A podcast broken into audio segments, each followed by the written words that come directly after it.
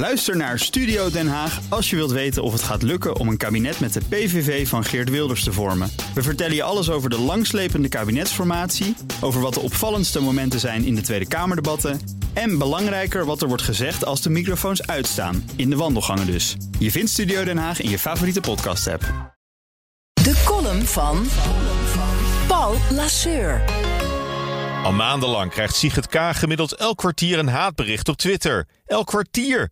Hoe bestaat het dat Twitter niet keihard optreedt tegen deze structurele uitingen van vrouwenhaat? Of premier Rutte?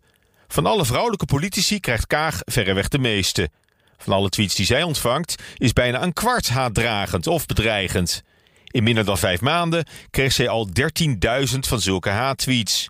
Wie zij is, wat zij zegt en waar ze voor staat, werkt bij bepaalde groepen twitteraars als een rode lap op een stier.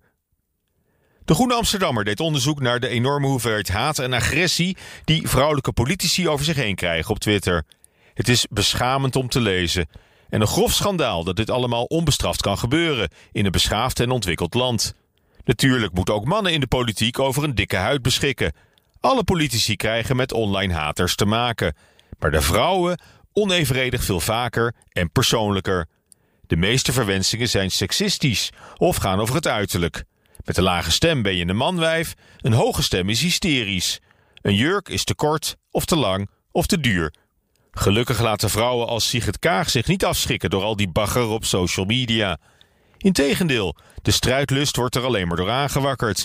En je mag toch aannemen dat ze wel voor hetere vuren heeft gestaan in haar decennia lange carrière als diplomaat voor de Verenigde Naties of als minister van Buitenlandse Handel.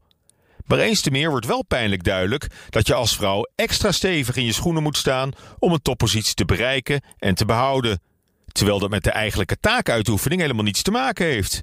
Vrouwen die beschikken over alle opleiding, capaciteiten en ervaring die je functie vereist, lopen alsnog het risico te worden weggepest, omdat ze geen man zijn. Het is niet langer acceptabel dat hier wordt weggekeken en totaal niet wordt opgetreden. We doen onszelf als samenleving ook nog eens zwaar tekort als we deze uitingen van vrouwenhaat op social media niet met wortel en tak uitroeien.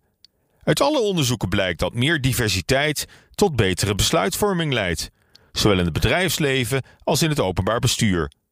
Alle maatregelen die dat kunnen bevorderen, moeten dan ook in stelling worden gebracht. Ga maar vanuit dat alle vrouwen op de kieslijst van alle partijen hun portie thuis krijgen en toch stand houden. Ze verdienen ons respect. Stem op een vrouw. Prettige maandag.